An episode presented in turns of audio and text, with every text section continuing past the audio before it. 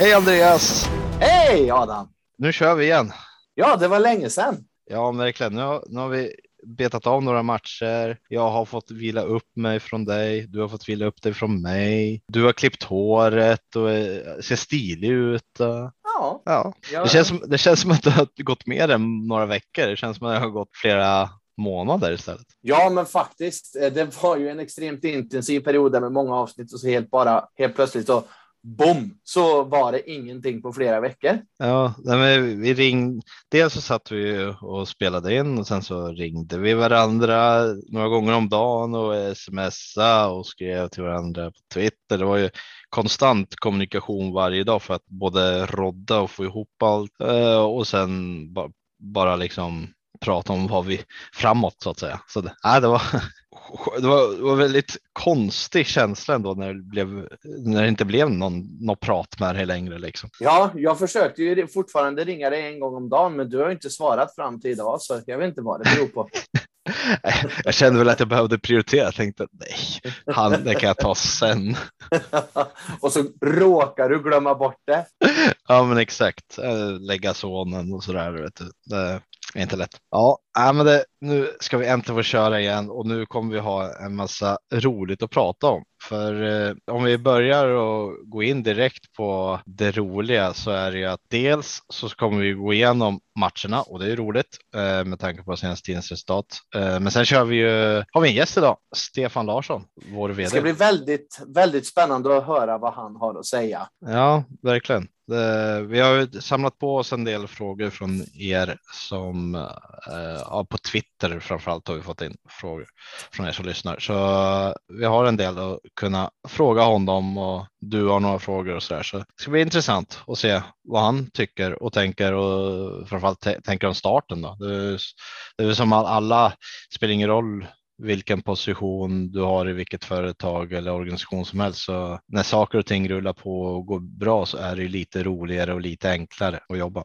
Och efter det, vi, vi, vi, egentligen det vi har sagt tidigare, det är det- där vi kommer göra. Att vi går igenom match, matcherna, vi kör en liten eh, övriga nyheters del och rykteshörna. Eh, softcoachens kedjor som jag pratade om. Eh, vi kör en kanon och kalkon vad vi tycker från de senaste tre veckorna, det vill säga sen vi spelade in senast. Eh, och sen kör vi vad som händer kommande tre veckor tills vi spelar in nästa gång. Till att börja med så tänker jag att eh, vi kör igenom vad vi, vad vi har för matcher sen senast. Vi hade ju premiären mot eh, Växjö borta.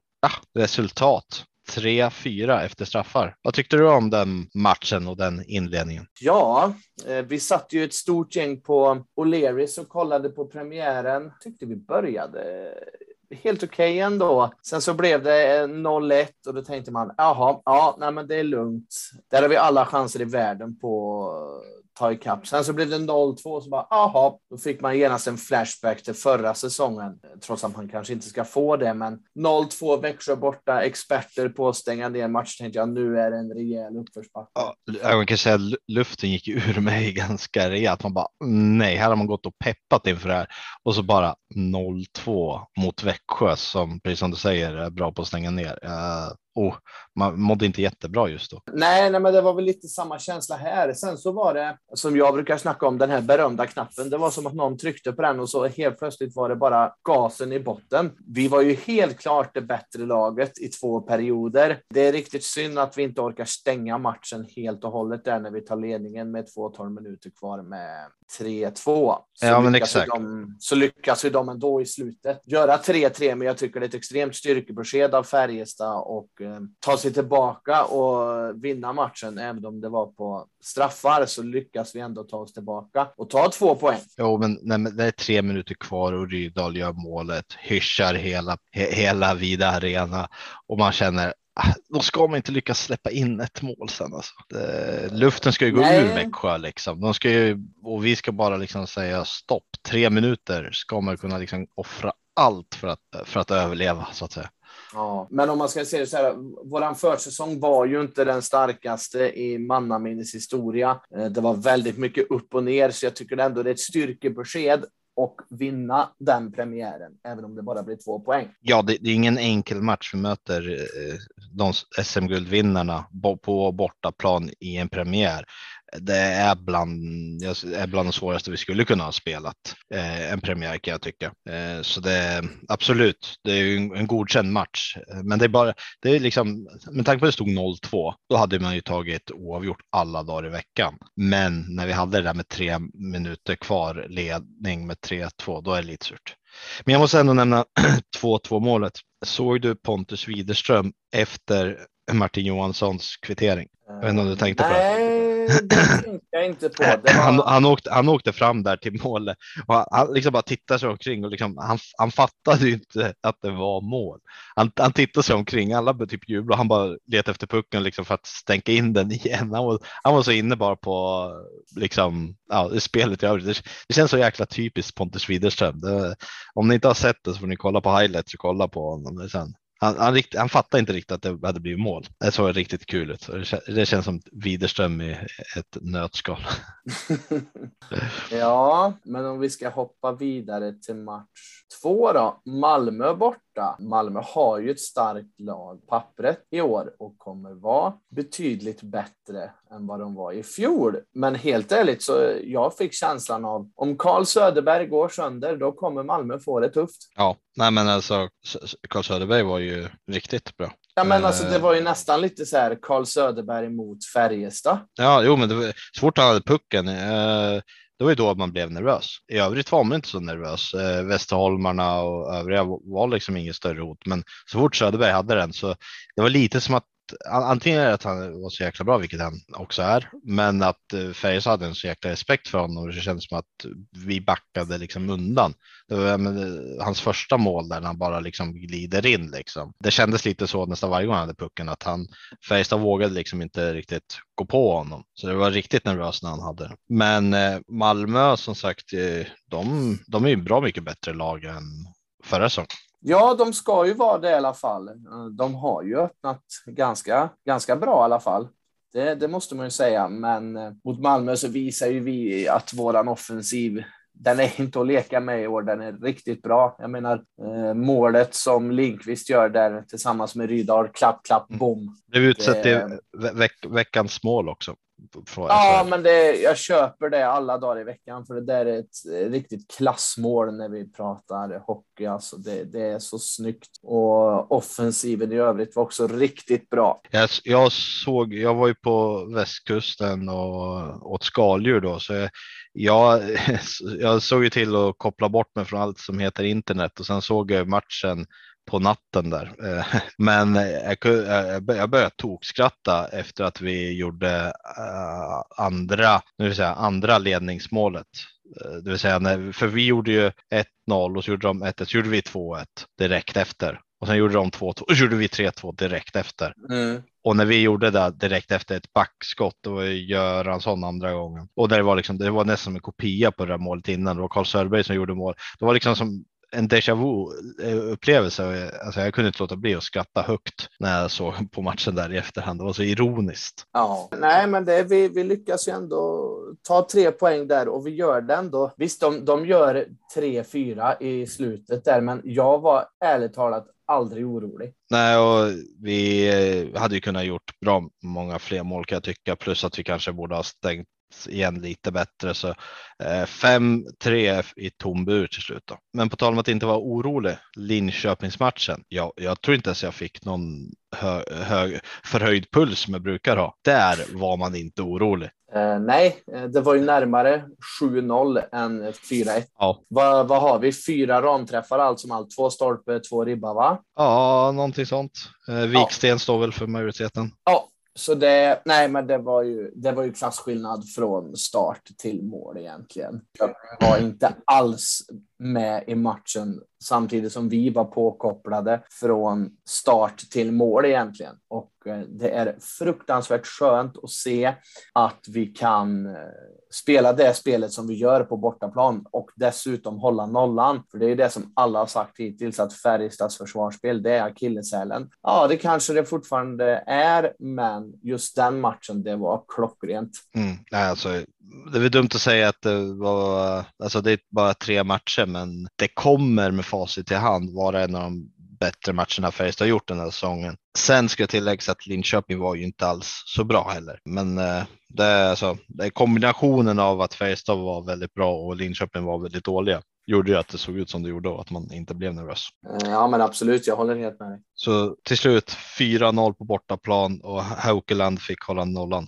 Grymt. Ja, nej, men det, det är jätteskönt för honom att han får hålla den här nollan så tidigt in på säsongen. Ja, verkligen. På tal om Haukeland så är han ju nu trea i målvaktsligan när det gäller räddningsprocent på 94,23, vilket är en väldigt bra siffra. Och fyra i insläppta mål i snitt 1,95. Så det är eh, respektabla siffror för vår första målis. Det är ju jättefina siffror eh, sett de eh, tre första matcherna och då ska ju tilläggas också att vi har släppt in sex mål. Ja, ja men exakt. På, på tre så... matcher och ändå ligger han på 94. Så det, ja. nej, han, han, han är på gång. Jag har verkligen den känslan att han är verkligen på gång och han vill visa alla att ni har fel. Jag är en bra målvakt. Mm, verkligen. Om vi kör vidare eller om vi, kan vi summera lite vad, vad, vad tycker du i helhet då kring de här tre matcherna för Färjestad? Nej, men sett eh, om man ska ta det, om man kollar lite på försäsongen och de här tre första matcherna så är det egentligen som, som natt och dag. Jag tycker vi har visat upp en bra offensiv eh, alla tre matcherna egentligen. Vi visar att offensiven är verkligen vår styrka i år, samtidigt då som att mot Malmö, ja, vi stänger ändå den matchen, för vi leder bara med ett mål i slutet och så gör vi sista i tom, men vi stänger den. Eh, Linköping, ja, de gör ju inte ett mål på, oss, och den matchen stänger vi ju klockrent. Så det är två av tre matcher har vi ändå stängt igen på ett bra sätt. Verkligen. Det blir spännande att se matchen nu på torsdag. Skellefteå vad vi kan göra. Men det är faktiskt inte bara herrarna som har spelat utan eh, damerna har haft sin premiärmatch också borta mot Örebro 9-1. Ganska komfortabel vinst. Nej, men det måste man ju säga att det är. Eh, 9-1 det eh, talar ju sitt tydliga språk. Alltså, då, då, är man ju överlägsen från start till mål egentligen. Man hade 59-12 i skott till Färjestad också. Och vi hade ju då en tremålsskytt i Esteri Kaljomäki och så den mest meriterade nyförvärvet inför säsongen, Line Bialik Öjen, som har gjort hur många matcher som helst eh, och poäng i SDHL genom historien. Gjorde två mål. Så det känns ju positivt. Ja, hela den serien är väl egentligen en transportsträcka för våra damer. Jo, De... man har gjort man har gjort om seriesystemet för i år när det blir en, den uppdelad i de här divisionerna för att sen bli en typ av vad ska jag säga, slutspelsserie eller slutspel kanske, men en, eh, vad hette det? Var det, det fanns ju där i någon lägre divisioner tidigare, men att det blir en ny serie efter, om det är nu efter jul eller nyår då, så slår man ihop så att alla de bästa lagen i varje sån här division kommer spela mot varandra. Och det, förhoppningen där är väl från lagen för att de ska få möta bättre motstånd längre tid för att då kunna Eh, utmana SDHL-lagen på ett bättre sätt. Och det, det, tycker jag är helt rätt att de går den vägen. För men om man kollar på våra damer genom åren, de är ju helt outstanding hela serien igenom egentligen och så kommer de till det här SDHL-kvalet. Det, det är ett stort glapp mellan högsta och näst högsta serien. Då har vi fått bekänna färg på eftersom vi fortfarande är kvar i den näst högsta divisionen. Samtidigt tycker jag att eh, det har gjorts helt rätt att satsa på det här ja, men lokala tjejerna så att de får en chans att utvecklas. Men ska man ta klivet upp måste du börja värva. Och, ja, men jag, jag gillar satsningen som våra damer gör. De behåller det här lokala, men samtidigt så spetsar de nu. De spetsar med talang, men de spetsar även med tjejer som har spelat i högsta serien som vet vad som krävs för att spela där. Mm. Ja, men det är ju en liten balansgång för att eh, dels ha en återväxt hela tiden och verkligen kunna utbilda och producera duktiga spelare. Men sen även för att kunna ta det där sista steget för att komma upp i SDHL för det öppnar andra dörrar också. Det finns en del värmländska tjejer som är ute och spelar i andra SDHL-lag som utan att känna någon av dem troligtvis eh, säkert kun, skulle kunna vilja spela i Färjestad om de vore i SDHL. Eh, så jag tror att genom att eh, satsa lite och kunna komma upp i SDHL kan man också då få Eh, hemvävda spelare tillbaka till klubben så att säga. Eh, och när det gäller damerna så tänkte jag att vi måste slå ett slag för att eh, i år har man ju faktiskt gått lite mer, tagit ett steg till och satsa ännu mer på det sättet att det ska vara riktiga liksom matcharrangemang på alla hemma, hemmamatcher. Eh, det ska vara matchvärdar och jumbotron och allt sånt där igång. Och i och med detta har man också bestämt att nu ska de faktiskt också ta betalt, eh, vilket är jättebra på det sättet att det faktiskt ska gå, komma in lite pengar till damerna. Och när jag säger ta betalt så är det ju, det är verkligen inga stora pengar, utan säsongskort kostar 400 kronor eller 165 kronor till och med 20 år. Eh, och ett säsongskort kan ju faktiskt man köpa även fast man inte kanske ser alla matcherna. Eh, 400 kronor är inte så jättemycket för att kunna stötta dem. Eller så är det styckpris då per match så är det 40 kronor per match för vuxna och eh, 20 kronor för personer till och med 20 år. Ja, det är väl återigen, jag tycker de går helt rätt väg Alltså, ska man satsa då kostar det pengar och då måste pengarna in och 400 kronor för ett säsongskort. Det, det är ett bra pris. Det, jag tycker det är värt att lägga de pengarna för att stötta damerna. Mm, ja, verkligen. Ja, jag tänker att vi hoppar vidare till nästa då, som vi kallar lite för rykteshörnan eller övriga nyheter. Och det är ett av de tydligaste ryktena som har varit eh, och som vi också faktiskt var inne lite när vi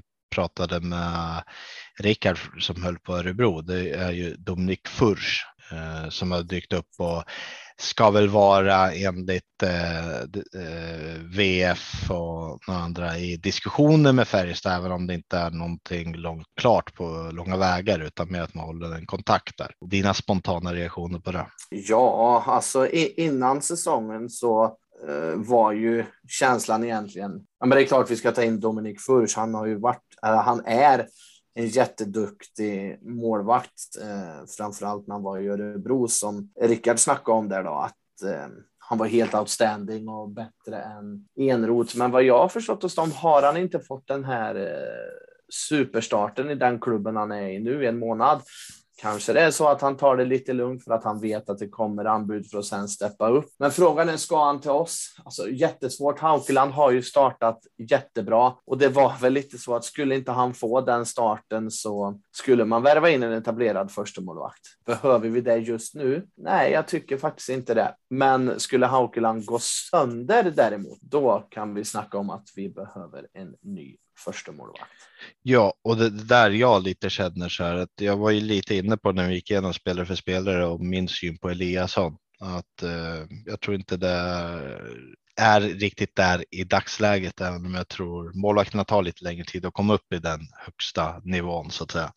Utan och om vi nu ska gå all in för ett guld i år så ja, om man skulle ha ett målvaktspar med Furs och Haukeland så skulle det kännas oj, det skulle kännas jättestabilt. Då har man råd att få en skada på en av målvakterna. För det in, men samtidigt är det det dyra alternativet. Men jag skulle inte aldrig vilja byta ut Haukeland mot Furs och för att ta Furs och Eliasson, utan i så fall skulle det vara enda jag skulle tycka OK på det är i så fall om man skulle kunna bilda ett målvaktspar som består av Haukeland och eh, Furs. Ja, men precis. Men vad, vad gör man då med Eliasson? Släpper man honom eller lånar man ut honom? Och i så fall, ja. om man ska ja. låna ut honom, vart ska han gå?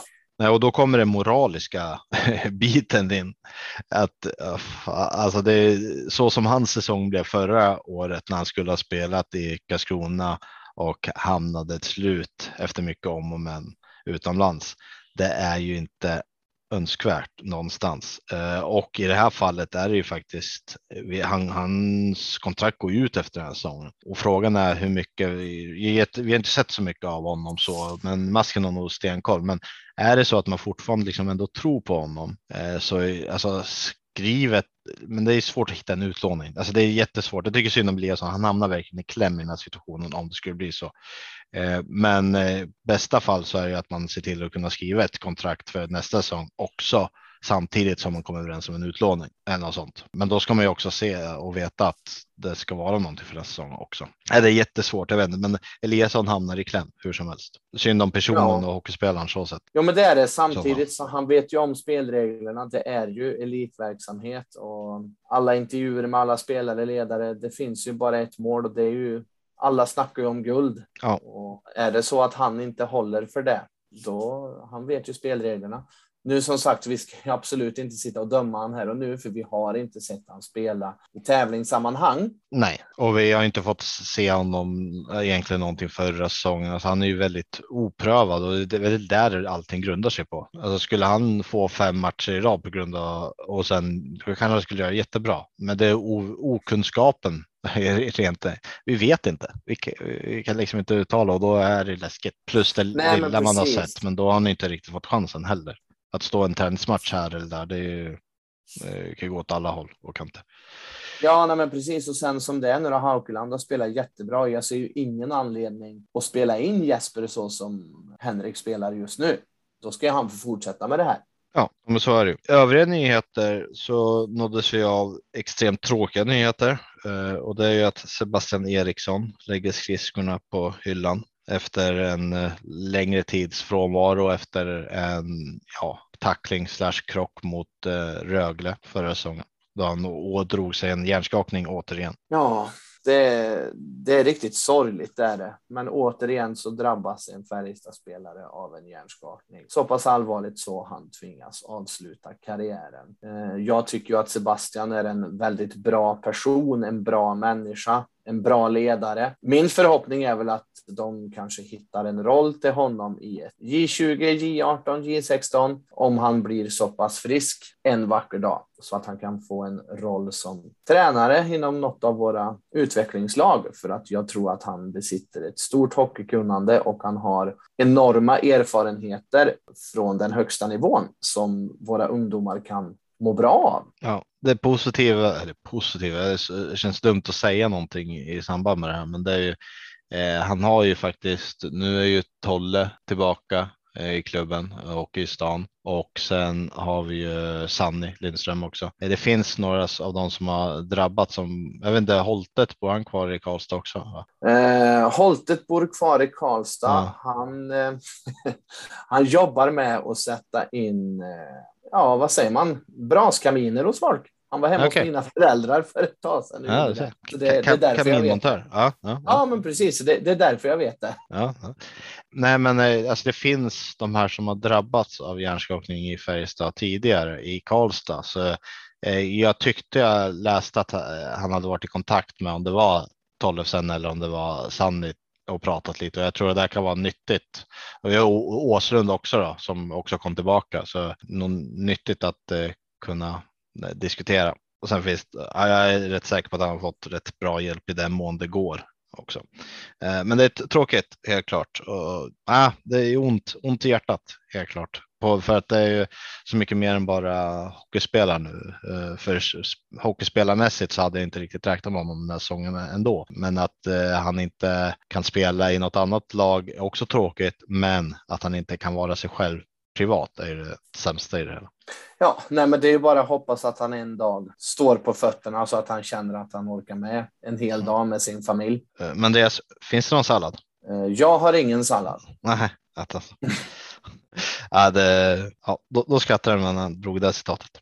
Eh, nä, nästa nyhet som varit, eh, det är ju Oskar Lavner då, som eh, har blivit utlånad till BIK Karlskoga tills vidare. Vi har en möjlighet att kunna kalla hem honom då vid behov. Men eh, som jag har förstått allt som har sagt så eh, det här behovet ska ju vara ett eh, långtidsbehov så att säga, utan man kallar inte till, tillbaka honom för att man får en skada på någon spelare som är tillbaka om två veckor igen. Utlåning. Nej, men vi, vi pratar ju om det här Eh, Eh, i tidigare poddar när vi gick igenom laget och eh, jag tycker det är helt rätt att låna ut honom. Han, han får inte plats i det här laget som vi har idag och eh, en spelare i hans ålder måste få kontinuerligt med speltid. Så en utlåning tycker jag är helt rätt och att det ändå är så pass nära som Karlskoga att han kan fortfarande bo kvar i stan. Han behöver inte flytta på sig eller någonting. Och Karlskoga är ju ett bra hockeylag numera. De spelar ju en hockey som, som jag tror passar honom. Ja, men verkligen. Och eh, det är ju ett, eh, även förra säsongen, men även inför den här säsongen, kanske topp fyra lag då, i Hockeyallsvenskan och ett lag som faktiskt har tagit fram duktiga spelare eller utvecklat spelarna ytterligare säsong efter säsong. Nu senaste säsongen så framförallt Linus Karlsson då som spelar i Skellefteå den här säsongen som vi nu på torsdag får se upp med. Det är nog den farligaste, en av de farligaste spelarna de kommer ställa upp där. Men de har även Filip Roos som också spelade i eh, Karlskoga förra säsongen. Så det, och tidigare säsonger har man ju fått fram andra. Vi har ju Lennström och eh, Lillis för vår del då, som har varit där. Det finns många andra också. Ja, nej, men så det, det, de är ju bra på att fostra spelare och framför allt spelare som kanske har kört fast lite. Jag ska väl inte sitta och säga att eh, Oskar Labner har kört fast, men eftersom han inte platsar i vårt lag som det ser ut just nu så Karlskoga tror jag blir en perfekt utlåning för honom. Det är lite samma situation med honom som Eliasson egentligen. Det är bara det att Eliasson har en mer utsatt roll, ett utsatt plats, att det är svårare att hitta kanske en utlåning för honom och så vidare. Eh, om vi nu skulle få in en till målvakt, det vill säga. Eh, men det är lite samma att är ung sådär, eh, har liksom lite utveckling kvar att göra, behöver spela. Mm. Men vad tror du? Tror du att han eh, kommer tillbaka den här säsongen? Att man kallar tillbaka Lavner? Nej. Nej, jag är inne på samma sak för att eh, eh jag tror ju att för att om man ska tillbaka Lavner så ska det ju vara en som blir långtidsskadad och då pratar vi några månader minst. Men jag tror inte man kan. Man tar inte in honom som en ersättare för någon av säg Lillis, Linkan, eh, Linus. Alltså, det finns så många spelare som man inte skulle ersätta, utan det skulle vara någon av Widerström. Skulle han gå sönder kanske? Eller eh, Jakobsson. Det är liksom, det är typ de två spelarna på rak arm eh, som man eventuellt skulle liksom ersätta. Eh, annars tror jag att skulle en Lillis eller övriga gå sönder, ja, då är det snarare, då tror jag man värvar en som är den kvaliteten istället. Vad tror du? Ja, nej, men jag, jag, är helt, jag är helt inne på din linje där också. Tråkigt nog, men så, så är det. Även om han skulle börja spruta in poäng i Bofors så tror jag som sagt inte de kommer kalla tillbaka honom om Ejdsell eller Lillis eller Linkvist om någon av dem skulle gå sönder och borta en längre period. Jag tror inte de skulle kalla in honom då för att ersätta dem, för det är rätt tunga namn att ersätta för en 21-åring eh, som inte platsade i laget några månader tidigare. Ja, jag håller med. Så kör vi vidare eh, och då har vi softcoachen kedjor. Eh, och tanken med den var ju egentligen att eh, nu jäklar ska vi hjälpa pennan på vägen här och säga hur vi ska formera laget nu när det har gått så jäkla dåligt och så vidare. Men fan, det har inte gått så jäkla dåligt. Jag, jag, när jag kollar på formationerna så är det egentligen ingenting jag vill byte. Jag tycker att man både har en eh, startformation på både forwardsida och backsida som är bra. Plus att man eh, på backsidan till exempel har varierat lite också under match beroende på. Eh, jag har ingenting att liksom riktigt säga till om, inte när det gäller PP heller, även fast vi är faktiskt eh, riktigt usla statistiskt. Men samtidigt har vi inte haft jättemånga PPs heller, men vi har inte gjort ett enda mål i powerplay under de här tre första matcherna. I och för sig hade vi inte ett enda PP mot Malmö och jag tror halva matchen eller någonting gick väl i Linköping innan vi fick vårt första PP, så vi har inte haft jättemånga lägen och tillfälligheter heller för att göra någonting bra av det. Nej, men, nej, men jag håller. Eh, jag, jag håller med dig där. Det, det, finns ingen anledning att rota i kedjorna så länge det trillar in poäng på kontot. Jag tycker man även ställer upp smart i slutet på matcherna. Det är Linus Johansson eller Delaros som tar de teckningarna, vilket det ska vara. Det, det, är inga, det är inga konstigheter där egentligen. Nej, men jag tänkte på det nu när du nu när du nämnde det, vilka vi ställer upp där för att ta tekningarna. Eh, och om vi går över till det så är det ingen munter grej. Eh, vi är alltså näst sämst när det gäller tekningar just nu. 43,43 procent i tekningar. Det är, bara Leksand som är sämre. Eh, vi har in, jag tog ju upp det här när vi pratade lite om Linus Johansson bland annat att en som är riktigt bra teckningar. Nu som sagt, återigen, det har bara gått tre matcher. Det är inte jättestort statistiskt urval vi är uppe i än. Men eh, så här, inledningsvis så vi har Jakob Rose på 37 procents tecknings eh, i teckningsstatistik i egen zon 27 procent bara. Så det, det, finns en liten uppsida och på teckningssidan för bäst just nu är Rydahl och Linus på 48 procent. Så nej, bättre på teckningar kan vi väl bli. Och det kommer vi nog bli tror jag också. Det är jag helt övertygad om att vi blir. För som sagt, det har varit ett väldigt hackigt spelschema för oss också hittills eftersom vi valde att göra som vi gjorde med matcherna så att vi skulle få fullt full hall direkt eh, när vi kör igång med hemmamatcherna så har det varit väldigt spretigt. Nu var det senast i torsdags vi spelade match, nu ska det gå en vecka igen. Så det, det är ju först nu då som det börjar tajta till sig och det är ju först då man mer ser den här avancerade statistiken också när man börjar byta varm i kläderna. Det är match varannan dag, var fjärde dag mer kontinuerligt än att det är en match, vila en vecka, en match, vila fem dagar. Nu är det liksom match torsdag, lördag och så fortgår det så hela tiden. Först då tror jag man kan gå in mer på den avancerade statistiken för att se liksom vad behöver vi förbättra. Självklart, statistik ljuger inte, men jag tror också att eftersom schemat ser ut som det gör så blir det svårt att få en kontinuitet i det. Ja, och när det gäller all statistik så är det ju så att du behöver ha ett högt urval för att det ska vara statistiskt eh, godkänt om man säger så. Ja, och det där är ju det där är ditt expertområde, så det lämnar jag åt dig. Lite nytta ska man väl ha av all statistik man pluggat på universitetet. Ja, så är det. ja. Nej, men du, jag tycker att vi tar och eh, ringer upp och bjuder in vår vd Stefan Larsson. Då säger vi välkommen till Stefan Larsson, vd Färjestad BK. Tusen tack för det. Kul att få vara med. Riktigt kul att ha dig med.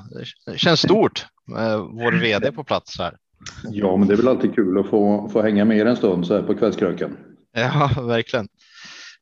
Så all, allt står bra till i övrigt? Ja, men det tycker jag. Det är väl en sån här härlig tid på året. Allt snurrar igång och från och med i morgon så är det ju restriktionsfritt också, så det känns ju extra bra. Det gäller vid tolvslaget så är det bara att gå ut och fira direkt.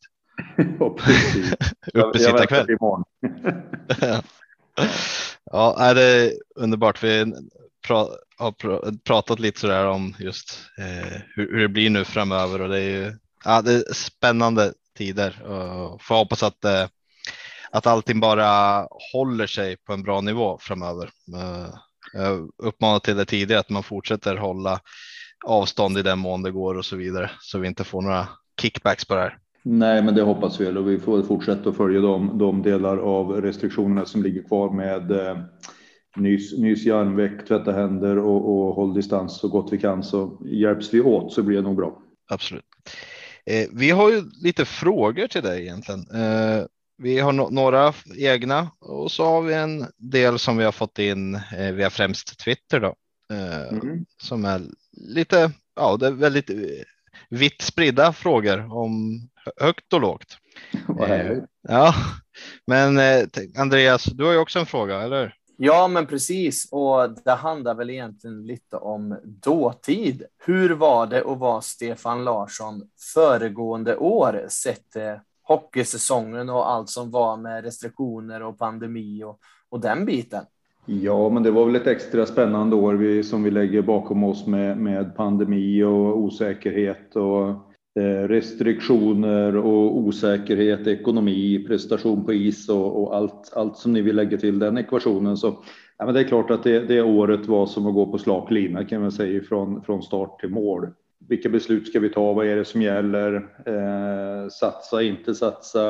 Eh, vilka restriktioner kommer att gälla och, och, vad händer med statliga stöd? Och väldigt, väldigt mycket osäkerhet väldigt långt in på, på verksamhetsåret. Så det var ja, utmanande är väl en bra sammanfattning med väldigt mycket, väldigt mycket information som kom väldigt sent. Vi gick väl ifrån 500 till 50 till 8 på läktarna till exempel utan att ens få införa den första regeln. Så att, eh, ett turbulent år, eh, men med gott stöd av väldigt många goda kollegor, inte minst grönvita fans, så kom vi igenom det där på ett så gott sätt vi kunde tror jag. Ja, för hur var det egentligen att hantera allt det här? Jag menar, ni hade ju visioner och drömmar om lite publik här och där och vad, sam, vad Folkhälsomyndigheten sa så var det också så att ja, men nu blir det publik och sen, sen så kommer det käftsmäll på käftsmäll på käftsmäll. Hur hanterar man det på ett bra sätt med ändå så kort varsel som det ändå var? Man, man får ju dels till att börja med försöka att leda sig själv så att säga, sen håller näsan över vattenytan och sen omge sig naturligtvis lyckligtvis med goda kollegor och kloka människor som hjälper till. Eh, och ser till att oaktat vad det kommer för överraskning, vilka besked som kommer, hur sent de än kommer, så så gör vi bästa möjliga av, av då rådande situationer. Och försöka med klokskap manövrera oss emellan de här grynnorna och, och naturligtvis försöka samtidigt som vi parerar dags och timfärsk information håller, håller liksom ett längre perspektiv i, i vart är det egentligen vi ska på lite längre horisont och försöker då balansera emellan det här här och nu frågorna och att vi ska ha en förening som är konkurrenskraftig också i ett längre perspektiv. Vi kliver in i en ny säsong eh, nu och jag tror vi har nytta av de beslut vi tog och det har vi för den här säsongen och det har vi också för framtiden. Så en riktig, riktig balansakt eh, att värdera egentligen varenda dag. Va, vad gör vi nu med nu rådande läge? Ja, nej, som sagt, det kan inte ha varit ett lätt år att vara vd för Färjestad BK med säsongen som var både utanför och på isen. Nej, jag tänkte vi, vi kör en, eh, en, en vad ska jag säga, lyssnarfråga här då. Jag tänker vi går in, kör vidare här när det gäller lite restriktioner och pandemi och så. Vi har en fråga från Henrik Andersson. Hur ja. ser Stefan på att restriktionerna slopas med tanke på att Färjestad inför säsongen budgeterat för 55 procents beläggning men nu blir 100 procent? Har föreningen några planer på att anställa slash återanställa personal i och med att restriktionerna slopas? Ja, men först och främst väldigt positivt naturligtvis att vi får återgå till en normalitet och eh, när vi slår upp dörrarna här på lördag den andra mot Leksand så har vi jag tror det är eh, 65-70 personer som gör sitt första arbetsplats i Löfbergs Arena i våra restauranger, kiosker, barer. Så det, det är klart att vi, vi eh, åter, jag ska inte säga återanställer, men tillbakaanställer väldigt mycket timtidsanställd personal som får en möjlighet att jobba hos oss eh, till kommande säsong eller i den här säsongen. Vi gjorde ju inga uppsägningar utan vi använde oss av korttidspermitteringar och neddragning av verksamheten så att det innebär också att den fastanställda personal vi har går upp på, på normal så att säga, tjänstgöringsgrad. Så eh, väldigt positivt. Det innebär att vi går ifrån 56 till 100 möjliga procent. Men sen har vi också den insikten att vi kanske inte går till full normalitet direkt. Det finns fortfarande en försiktighet, en återhållsamhet bland våra fans att kanske gå på hockey. Så att eh, vi, vi lägger fortfarande en liten försiktig klausul på, på vad vi tror och, och tror att det fortfarande finns en liten begränsning framåt. Det får väl närmaste veckorna utvisa, men, men eh, långt bättre, men kanske inte full normalitet framåt heller. Nej, för, för jag tänker på det. Jag själv ska faktiskt imorgon bitti så sätter jag mig på flyget och tar mig upp till Skellefteå uh, för att delvis se matchen uh, på torsdag. Uh, och där har man ju faktiskt, ser det inte ut att bli slutsålt. Där känns det som att det är en eh, fortsatt återhållsamhet från supportrar och fans. Uh, har, har Färjestad, uh, har, har, vi sett någonting när det gäller det utöver för första lördagsmatchen som sagt, den ser ut att bli slutsåld. Men övriga? Ja, det där är väldigt svårt att säga för vi, vi spelar ju nu den andra hemma och sen om jag nu kommer rätt på det här på rak arm så tror jag det är den tolfte igen, den flyttade matchen mot Djurgården där va? Stämmer. Och då är det ju tio dagar emellan igen och vi vet ju av tradition att våra våra fans köper biljetter också väldigt sent in på, så vi har liksom ingen riktig data att luta oss emot. Jag vet eh, att Skellefteå har det lite trögt. Jag vet, jag tror det var Timrå som var ute och sa att det var lite trögt.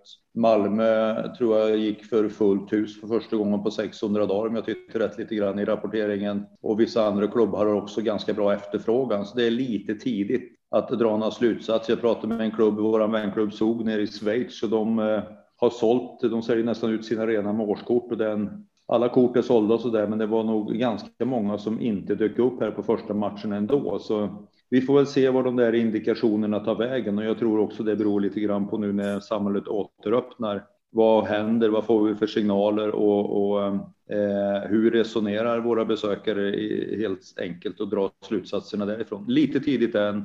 Eh, och jag tror det är farligt att dra slutsatsen av eh, premiärmatchen här som ju är helt sold out. Så, så enkelt tror jag inte det kommer att gå. Ja, vi har en till fråga då från Henrik Andersson på den här. Eh, och då var det egentligen hur går planerna om att bygga ut i Löfbergs arena? Eh, och jag tänkte utveckla den lite. Att dels så fanns det lite planer att bygga. Eh, var det nya kontorsmöjligheter eh, eller något liknande? Va? Ja. ja. Och sen tänkte jag utöver den då finns det några andra planer som eh, i framtid att bygga om i Löfbergs ut eller om? Ja, men det finns eh, massor med planer. Om man börjar med kontorsfrågan så den, har den flera dimensioner. Det vet inte riktigt vad frågeställaren syftar till där, men vi har ju tittat på att bygga så att säga, en lösning inne i arenan med en, en kontorslösning som hänger upp i takbjälklaget. Den visade sig vara väldigt svår i och med att konstruktionsmässigt så ska den hänga i takstolarna och arenan är 20 år nu som ni vet och då finns det inte att tillgå de konstruktionsritningar och hållfasthetsberäkningar som fanns en gång i världen, utan då ska man göra materialröntgen på alla svetskarvar och den visar sig då vara väldigt komplicerad och dyr. Därför har vi ju ritat den här byggnaden som vi kallar för Mästaren som är då på älvsidan längs hela, längs hela arenan. Där är en byggnad om 5000 kvadrat. Sen kom ju pandemin mitt i det, så där ska vi väl reaktivera oss med att få fylla den där med med hyresgäster och hoppas att det går. Så det är ju en del av det hela där huvudsyftet för oss har ju varit att utvidga ytorna för våran sport, det vill säga då att bygga en gymfacilitet i som en del av den byggnaden. Så får vi se om vi, om vi lyckas med det och vart den tar vägen. Men det är i alla fall en plan. Sen har vi ju tankar och förhoppningar om att, att kunna bygga om och renovera våran Ice Arena på sikt för att få till den. Vi har ett damlag som ska upp i STHL. Vi behöver mer omklädningsytor, mer faciliteter vad gäller det och som sagt off-ice-träningarna vad gäller gym och andra faciliteter för det. Så det är en ständigt pågående projekt att, att lyfta våra faciliteter för att matcha så att säga, kärnverksamhetens och besökarnas behov över tid. Men nu som jag förstår det, jag bor ju inte i Karlstad, men eh, som jag sett så eh, fortskrider byggnationen på Tingvalla i alla fall. Stämmer gott. Tingvalla är ju överbyggt nu med tak och väggar eh, så att den är ju vädertät så att säga. Det första som ska igång där är ju bandin med säsongen. Sen, eh, sen fram då till nästa höst är det väl, så ska det stå färdigt två stycken isytor också för hockey där. Så det blir ju en av Nordeuropas största ispister med en fullstor bandyarena och två nya rinkar för hockey. Och det är ju, det är ju ett väldigt gott tillskott för våran breddverksamhet, både för att eh, få flickor, tjejer i, i betydligt bredare omfattning än vad vi har idag, men också för naturligtvis för killarna och träningsfaciliteter för, för hela våran förening. Så ett gott tillskott, tillskott för hela, hela isverksamheten oavsett vilken av sporterna vi driver här i stan. Jättebra. En annan fråga här från Alexander som undrar om det förs det några konkreta diskussioner om ståplatsläktaren som blev förminskad?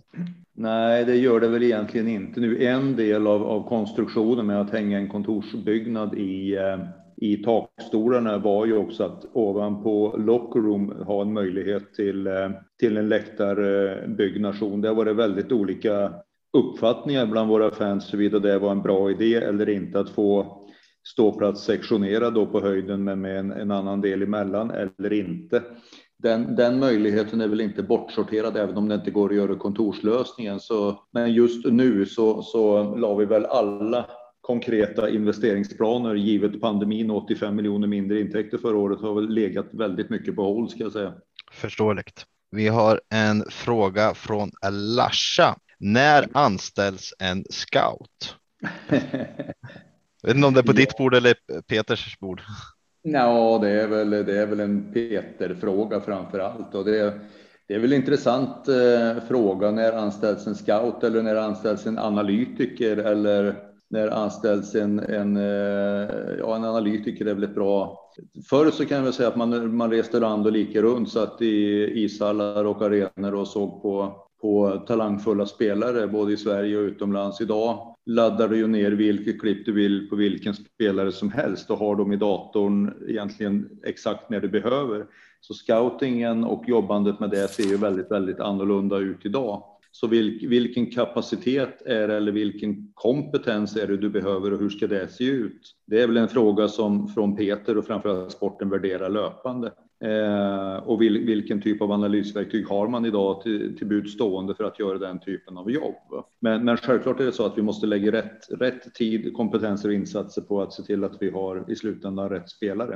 Eh, men just, just nu så, så eh, finns det ingen sån plan att svara exakt på frågan när, men, men den ska också belysas med vad, hur och i vilken kapacitet med vilken typ av kompetens är det vi, vi behöver se oss om efter spelarkompetens framåt.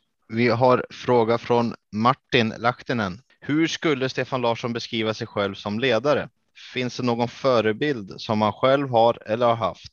Och hur definierar du en riktigt bra ledare? Ja, det är ju alltid en svår fråga. Vi, vi hade en som, som eh, satte definition på ledarskapet som jag tyckte var ganska bra. Då kanske inte mitt personliga ledarskap, men vad ledarskap egentligen är.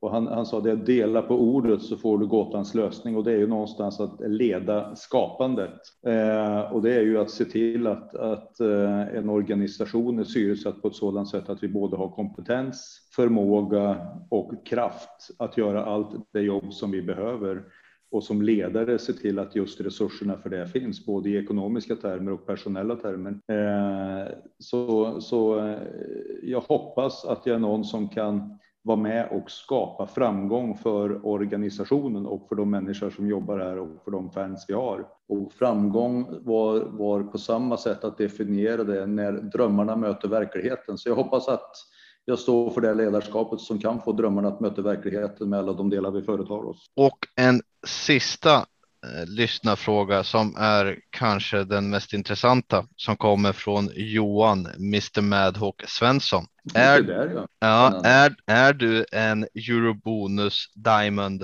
eh, medlem på Lifetime? Nej, tyvärr inte. Tyvärr inte. Som personal så kvalificerade man sig inte riktigt för det på SAS, utan man får flygförmåner för lifetime om man vill stå i kö och åka standby. Men däremot inte eurobonus, eh, pendion eller gold på lifetime, tyvärr. Ja, det var ju synd. Ja, det, det håller jag verkligen med om. jag förstår varför du lämnade SAS. Ja, ja det var bra där. Men, men eh, jag har flugit tillräckligt mycket för att kvalificera mig tror jag, men jag, jag flög nog på för dåligt betalda biljetter som personal. Ja, och när vi är inne på det så vad, vad, känner du att du har tagit med dig som mest från eh, ditt förra jobb på SAS då in i Färjestad under den här tiden? Ja, men det är ju i väldigt mycket eh, saker som faktiskt är väldigt lika, både med jobbet från SAS och, och jobbet i Färjestad för den sakens skull i, i alla roller. Där, där eh, det ska till en optimering. Vi lever med en produkt och en leverans som liksom inte går att göra om. Eh, ett flyg som har lämnat startplattan och, och, och, tar sig till en destination går liksom inte att göra om imorgon. Om det var för dåligt med beläggning, för dåligt med, med folk på. Det är samma med en match. När vi har spelat lördagens match så kan du varken prestationsmässigt eller publikmässigt göra om den. Det gäller alltså att få påslagen ifrån ruta ett vid varje givet tillfälle och göra det bästa möjliga man kan. Eh, och det finns ingen reparationsmöjlighet utan när, när det har lämnat perrongen eller startplattan eller för den saken skulle isen om man så vill, då, då eh, är det klart att reverseringsmöjligheten är väldigt, väldigt liten. Så det är väl en sak man tar med sig som likhet. Sen, sen är ju jobbet på SAS precis på samma sätt som jobbet i Färjestad. Det berör väldigt många människor. Eh, väldigt många är, är beroende av, väldigt många är engagerade i. Eh, och det är klart att eh, det där sätter naturligtvis en prägel på hur vi behöver förhålla oss till omvärlden också. Med, med hoppas jag att man kan tycka, även om inte alla tycker vi alltid tar rätt beslut, men med en god portion av ödmjukhet för det vi gör. Så det tycker jag väl är stora likheter mellan de här olika rollerna. Jag hade också egentligen en fråga från David Hedberg som var lite kring när reser vi tian i taket? Men vi tänkte att vi formulerar den lite. Hur, hur rent krasst, hur ser vi på framtida tröjhissningar överlag? Eh, var vi på, på tröjor nu eller tionde guldet? Nej, jag, jag fattar det som tröja när jag läste frågan. Så igen, tröjhissningar om vi säger så. Ja, det har vi väl ingen fast plan för. Vi har väl några kandidater som, som eh, har en god möjlighet att hamna där, men vi har inte lagt någon fast plan på, på när och om. Det är väl en fråga vi reser med jämna mellanrum i våran ledning och till förlängning i våran styrelse. Eh, så vi får väl återkomma till när. Mm. Tionde guldet, om jag ska svara på den istället, så hoppas jag det sker så snart som möjligt. Det är ju vår ambition. I vår kanske? Ja, det är i alla fall, det är i alla fall planen. och ambitionen. Det tycker jag låter som en bra plan. Ja, enig. Har du några andra frågor, Andreas? Som du... Nej, jag har inga mer frågor till våran vd. Vad, vad snälla ni var. Ja, men ja. vi är snälla. vi, vi, vi, är positiva. Det har gått så bra nu inledningsvis. Så det, ja, det... Vad, vad är din känsla så här om vi ser till det hockeymässiga eh, under inledningen? Det ser ju stabilt ut. Jag tycker vi har eh, fått ihop ett gäng nere på sporten som står för, för tävlandet. Det finns en stabilitet. Vi har fått in, ja, vad ska jag uttrycka det, ett gäng lagom eh, tjurskalliga spelare som liksom står för den här eh, vardagen som vi ska in i med, med en, en hög prestationsnivå. Och eh, gänget med Peter och Pennan och och alla runt sporten där har byggt liksom ett lag med fyra formationer som tävlar i varje byte. Och det tycker jag vi har sett i de här tre inledande matcherna att kapaciteten är hög. Det finns mer eh, att plocka ut ur det här gänget eh, och jag hoppas att vi med det får liksom en, en eh, stabilare prestation över tid. Det ser det ju förhoppningsvis ut som vi får och att vi då med det kan placera oss i tabellen tillräckligt högt för att säkra oss om att vara med och tävla om om, om medaljerna när vi kommer till vårkanten. Så att eh, en stabilitet så långt, en, en hög nivå eh, och då pratar jag om en hög nivå både i spets och i bredden i laget och tillräckligt mycket tjurskallar för att eh, kunna bryta mönster när det går lite knackigt eller samla ihop oss en tisdagkväll eller vad det nu kan vara eh, och gå på prestation. Så att det känns, känns stabilt så här långt. Ja, men då flikar jag in med en, en fråga här då. Mm. Eh, om man jämför förra året, eh, jag dyker ju upp på lite träningar ibland och kikar för jag tycker det är så fruktansvärt roligt att se när mm. de tränar.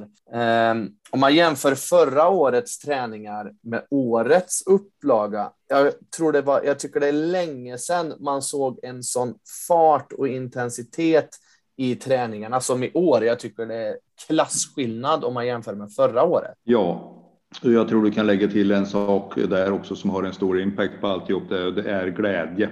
Eh, och det är klart att, att i fjol hade vi en säsong där vi inte gjorde annat nästan än kommunicera jämmer och elände och nedskärningar och permitteringar och, eh, och det hade väl alla lag för den sakens skull. Men, men det sätter ju sin prägel någonstans till slut. Eh, på toppen av att vi har lite andra pjäser inne i systemet i år så, så hög intensitet, det tävlas eh, på ett annat sätt tycker jag också på träningarna och så adderar du till då en, ett, en jäkla glädje och ett gäng som trivs väldigt bra ihop så är det ganska bra ingredienser som lägger en bra plattform. Ja, det känns som ett, eh, ett bra lagbygge. Nu är man ju supporter och det känner man inför nästan varje säsong, det känns lite extra den här säsongen. Ja, men så är det ju. Och sen vet vi ju att vi ska spela, det är 49 grundomgångar kvar och vi kommer att få den här hissen upp och ner. Det, det, det är nästan ofrånkomligt. Sen gäller det att se till att de där svackorna som otvetydigt kommer blir så korta och grunda som möjligt och att vi, vi eh, med den kapacitet och kompetens vi har både i och utanför laget tar oss över de där eh, dalarna på ett, på ett jäkla bra sätt. Så att, eh, och det finns det kapacitet till, så det ska vi klara. Jag känner mig nöjd. Vad säger du Andreas? Jag känner mig också väldigt nöjd. Härligt. Tackar så jättemycket för att du ville ställa upp och få lite frågor och besvara dem. Men tack för det. Tack själv och så syns vi väl då i Skellefteå på torsdag. Ja, om du är där så absolut. Det är tanken. Ja, ja. Det är härligt. Då syns vi där. Det är bra. Toppen. Tack så mycket. bra. Hej. Ha det bra. Hej. Nästa grej är kanon och kalkon. Kanon och kalkon och lite oavsett eh, lag och så vidare, men som har lite kring SHL att göra. Vad, vad har du? Vill du börja med kanon eller kalkon? Eh, jag kan börja med kanon och min premiärkanon måste ändå bli Henrik Haukeland. Varenda en inom Hockeysverige har tvivlat på honom, men med den starten han har haft så är det ganska självklart för mig att han får kanon. Nej, vi var inne på det. En, en hållen nolla, trea i ligan räddningsprocent och har gjort det faktiskt väldigt bra. Så jag säger inte emot det så sätt. Vill du höra min kanon då? Ja. Då har jag Linus Johansson. Oh, utveckla. Ja, alltså det, det, färsk, det som är mest färskt i minnet det är egentligen hemjobbet vi, eh, när vi leder med 3-0 mot Linköping. En match som känns stensäker på alla sätt och vis.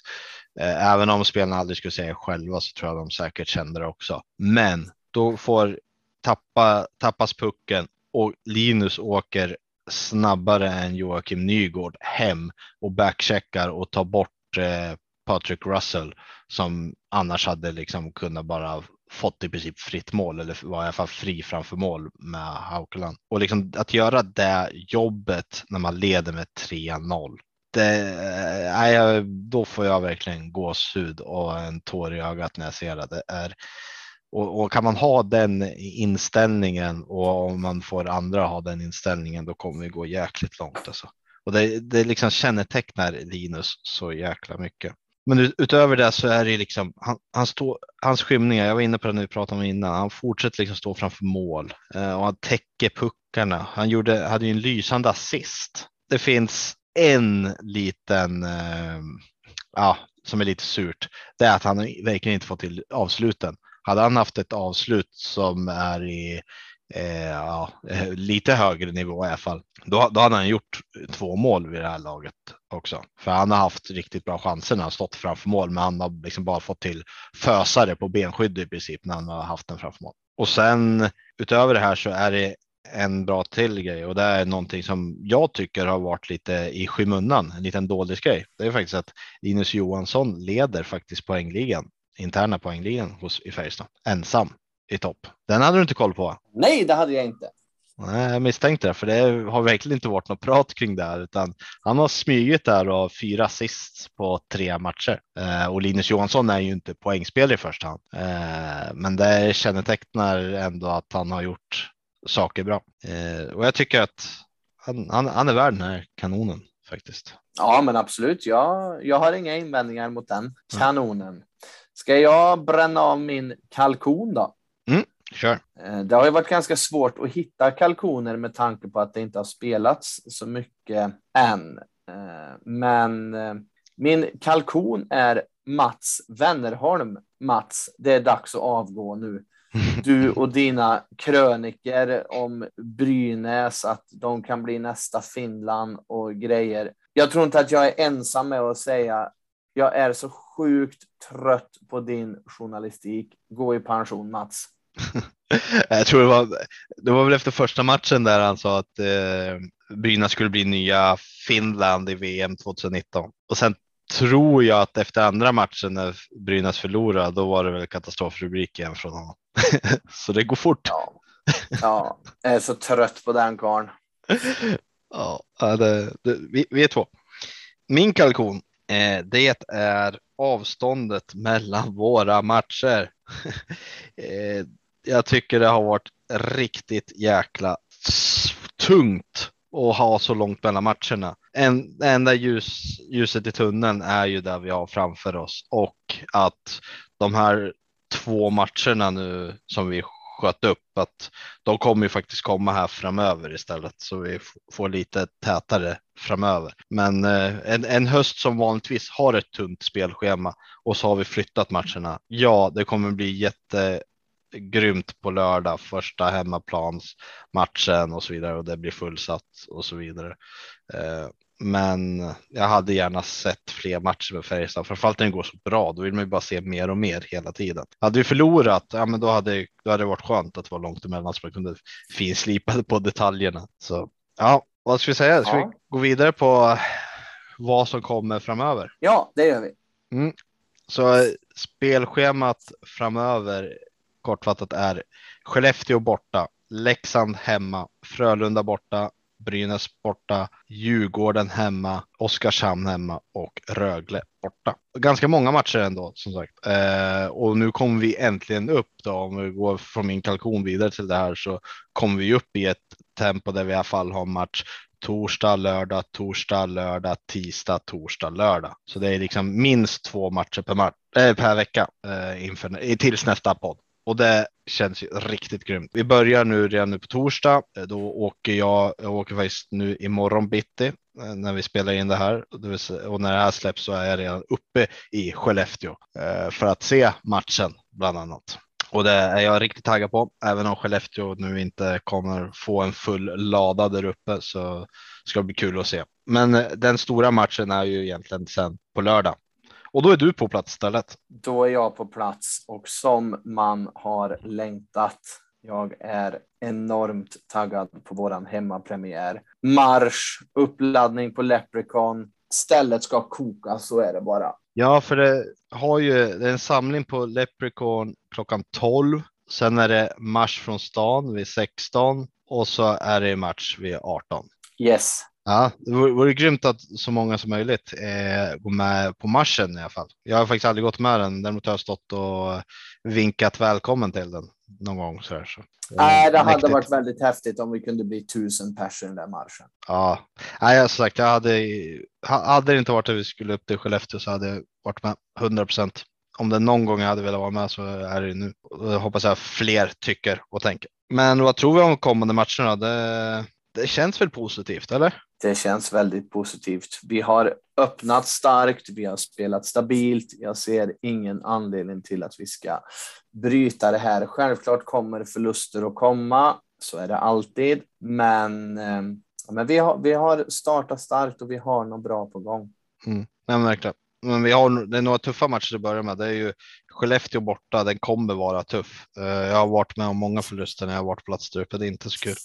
Sen är det Leksand hemma. Vi, det stödet och alltihopa som det kommer vara en fullsatt Löfbergs ska vi ju kunna vinna över dem. Men Leksand har varit lite på gränsen till floppvarning eh, och har ändå namnkunniga spelare och kan nog sprattla till om det så. Frölunda kommer bli en svår match borta i Skandinavium. Sen kanske några lättare med Brynäs, Djurgården, Oskarshamn och avslutningsvis då Rögle-matchen. Eh, så jag tror på tre svårare matcher, tre lättare matcher och så den svåraste allra sist bortom i Ängelholm en lördag. Ja. Något annat kul som händer? Nej, det är bara matcherna som är roliga, eller Det är matcherna alltså. som vi ser fram emot nu. Äntligen kommer det tajta spelschemat. Ja. Yeah. Så um, ser vi fram emot nästa podd som kommer om tre veckor igen. Mm. Så får vi hoppas att ni tyckte att denna var OK eller helst bättre än OK. Och kom ihåg att ni kan kontakta oss på Twitter, Facebook, Instagram, podcast 1932 heter vi. Eller på i DM på Twitter till mig eller Andreas. Så ha det gott så hörs vi om cirka tre veckor igen. Hej då Andreas! Hej då, ha det bra!